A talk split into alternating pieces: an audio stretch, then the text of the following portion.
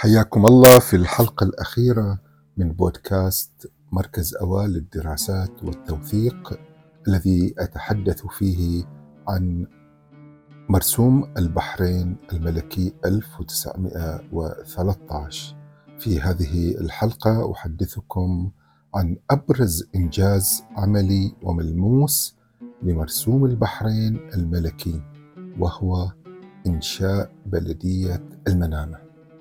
كيف أنشئت بلدية المنامة؟ الكتابات الرسمية، الرواية الرسمية، التاريخ الرسمي يقول في عهد عيسى بن علي تم تأسيس بلدية المنامة. هذه المعلومة لا تقدم إجابة لسياق تأسيس البلدية، بل هي توحي بمعلومة خاطئة، وكأن عيسى بن علي هو من أسس بلدية المنامة.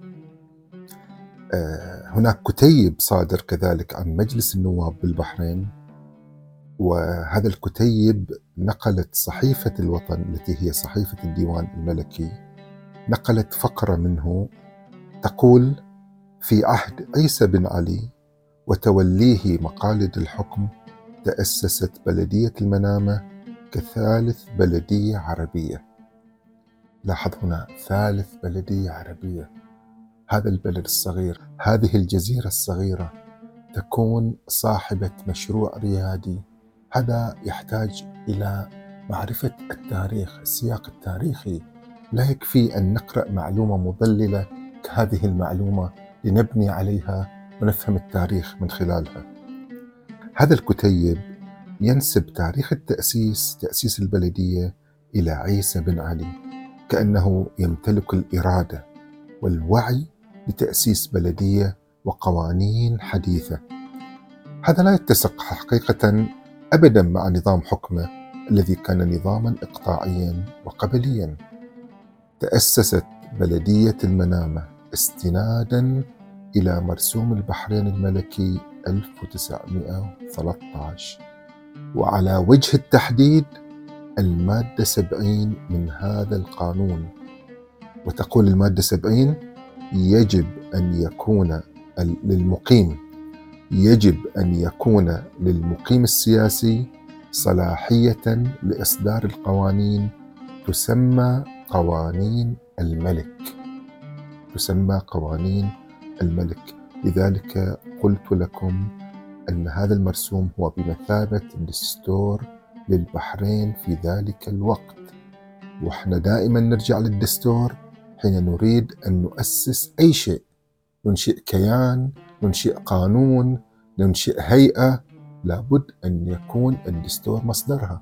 فهذا كان الدستور مصدر لإنشاء البلدية. هذا المرسوم يمنح المقيم السياسي صلاحية لإصدار القوانين وهو من أصدر قانون البلدية بهذه الصلاحية. وهذا القانون يسمى قانون الملك. قانون الملك أي الملك البريطاني؟ جورج. اللي هو كما قلنا حفيد الملكة فيكتوريا. وليس قانون حاكم البحرين. هذا يعني أن صلاحية إصدار القوانين التي تسمى قوانين الملك منوطة بالمقيم السياسي الذي يمثل الإرادة الملكية. ويمثل قصر بكنغهام ويمثل حكومة الملك بالهند. لا يعنى المقيم السياسي بإصدار المراسيم والقوانين فقط ليس هذا فقط إنما تطبيقها وتعديلها وتغييرها وإلغائها كل ذلك ضمن صلاحياته. كانت هذه المهمات مهمة التطبيق والتعديل والتغيير والإلغاء من صلاحيات المقيم وكلها قوانين الملك. أنشئ قانون البلدية بقوانين الملك. هي إذا بلدية ملك بريطانيا من الناحية التأسيسية. والإرادة وليست بلدية حاكم البحرين وحاكم البحرين معين فيها بإرادة ملك بريطانيا. هو مذعن إلى هذا القانون ومذعن إلى هذه البلدية اللي هي لا تتسق ابدا مع نظام حكمه بل عائلته حقيقة كانت ضد إنشاء البلدية. هذه ربما تحتاج أيضا حلقة خاصة نوضح فيها هذه الضدية وماذا عملوا ضد هذه البلدية. لكن إرادة الملك البريطاني انتصرت وفرضت هذا المرسوم وفرضت إنشاء هذه البلدية. تقول تفريعات المادة 70 التي هي المادة التي على أساسها أنشئت البلدية وقانون البلدية يستند إلى المادة 70 من مرسوم البحرين الملكي. يجب تقول هذه المادة يجب أن يكون للمقيم السياسي صلاحية لإصدار القوانين تسمى قوانين الملك وذلك للأهداف التالية. رقم واحد من أجل السلام والأمن والحكم الجيد على الأشخاص الذين ينطبق عليهم هذا المرسوم. اثنين من أجل تأمين تطبيق أي معاهدة في الوقت الراهن حول أي مكان ضمن حدود هذا المرسوم أو ضمن حدود أي عرف أو قانون وطني أو محلي. ثلاثة لتطبيق أو تعديل أو تغيير أو إلغاء أي قانون أو تشريعات في البحرين.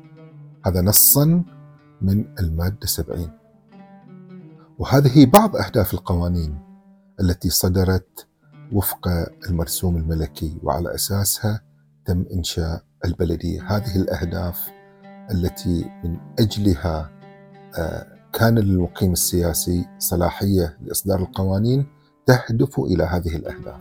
يعني لماذا هو منح الصلاحية؟ لتحقيق هذه الأهداف. وواحدة من أهدافه كانت إنشاء بلدية.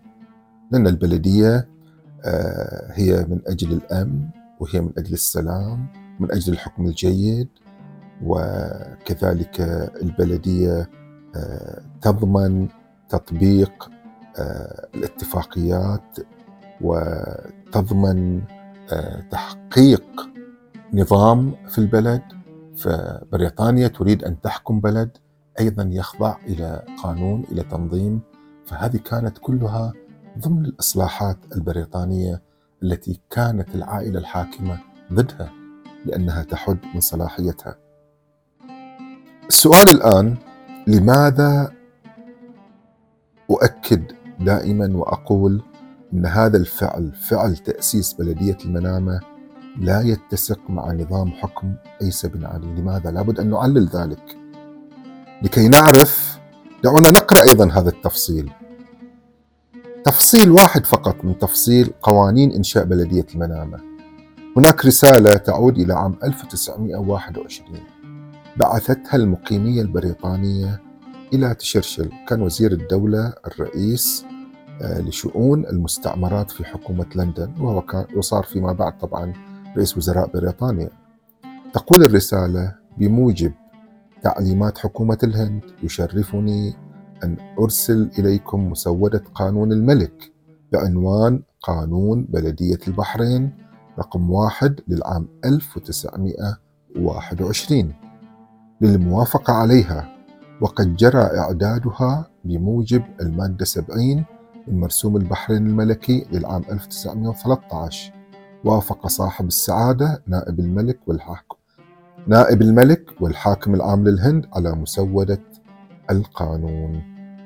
إذا صدور القانون والموافقة عليه جاء من بريطانيا، ولاحظوا أن كل هذا النص اللي قرأته كان يتكرر في مرسوم البحرين الملكي ويتكرر في أن إنشاء بلدية المنامة يستند إلى المادة 70 من هذا المرسوم بمعنى أن هذا هو الدستور اللي على أساسه تمت الإصلاحات وإن كل فعل سياسي وقانوني كان يرجع إلى هذا المرسوم.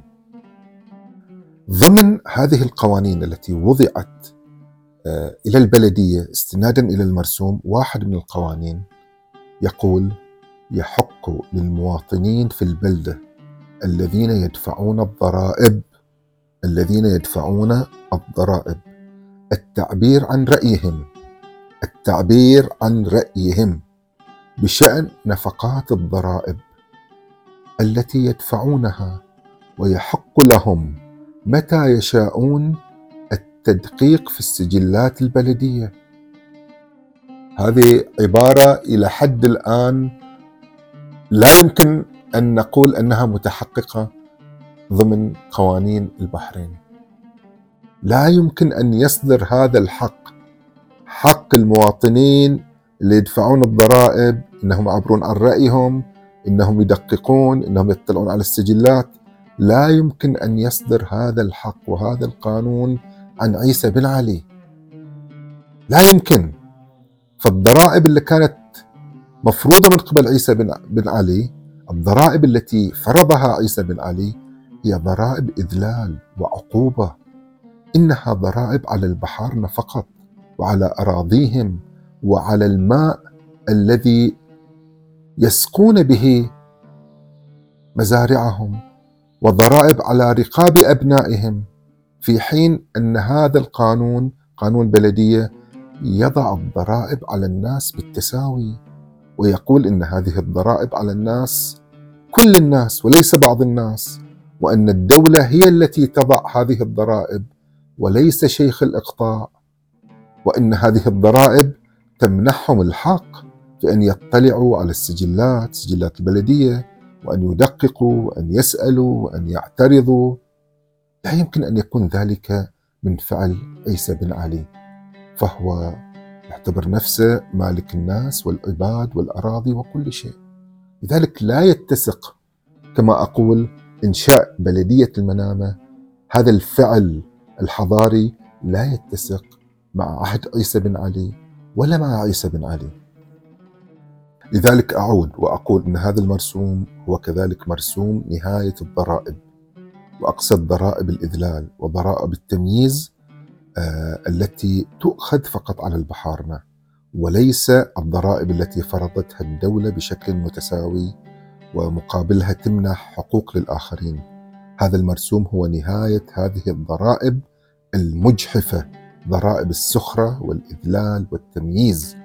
لقد تجسد هذا المرسوم في هيئة البلدية تجسدا واضحا تماما كما قرأنا في الوثائق. صحيح أن هذا المرسوم في بدايته لم يكن يرى في البحرين إلا ملحقا أو إضافة يعني ليس هو الشخص الذي تخاطبه البحريني ليس هو الشخص الذي من أجله تصنع. وتنشأ البلدية ليس هو الشخص الذي يمثل آه، جوهر الدولة. صحيح هذا. آه، وصحيح أنه كان دائما يتحدث عن العناصر غير البحرينية وأن مرسوم الملك قدم نفسه على أنه معني بحماية هؤلاء اللي هم غير البحرينيين ومنع فرض السخرة على غير البحرينيين. لكن هذه القوانين كلها انتقلت لتطبق على البحريني أيضا فيما بعد. كلها طبقت أيضا على البحريني. هي لم تكن تطبق على البحريني لأن الحاكم لم يكن يريد أن تطبق على البحريني، فهم بدأوا بتطبيقها على غير البحريني. ولذلك نقول إن هذا المرسوم هو ولادة لشخصية البحريني القانونية، البحريني المحمي بالقانون. الذي يدفع الضريبة بالقانون والذي يحق له المساءلة بالقانون والذي يحتكم إلى قضاء عادل وقضاء مدني يعني هكذا آه، نستطيع أن نقول أن الغايات والأهداف الكبرى التي حققها هذا المرسوم هي ولادة هذا البحريني المحمي بالقانون. أنا لا أتحدث عن البحريني كصورة رومانسية لا أتحدث عن البحريني كهوية ثقافية. أنا أتحدث عن البحريني الذي هو محمي بالقانون. البحريني الذي يحق له أن يسأل ويتساءل ويحتج ويذهب إلى قضاء عادل ولا تفرض عليه ضرائب إذلال. هذا القانون هو الذي أو هذا المرسوم هذا المرسوم هذا المرسوم هو يعتبر ركن أساسي من أركان ولادة البحرين. آه، شكرا لكم وألقاكم في حلقات أخرى أيضا آه، نتحدث فيها عن تاريخ البحرين التأسيسي في فترة العشرينيات. شكرا لكم.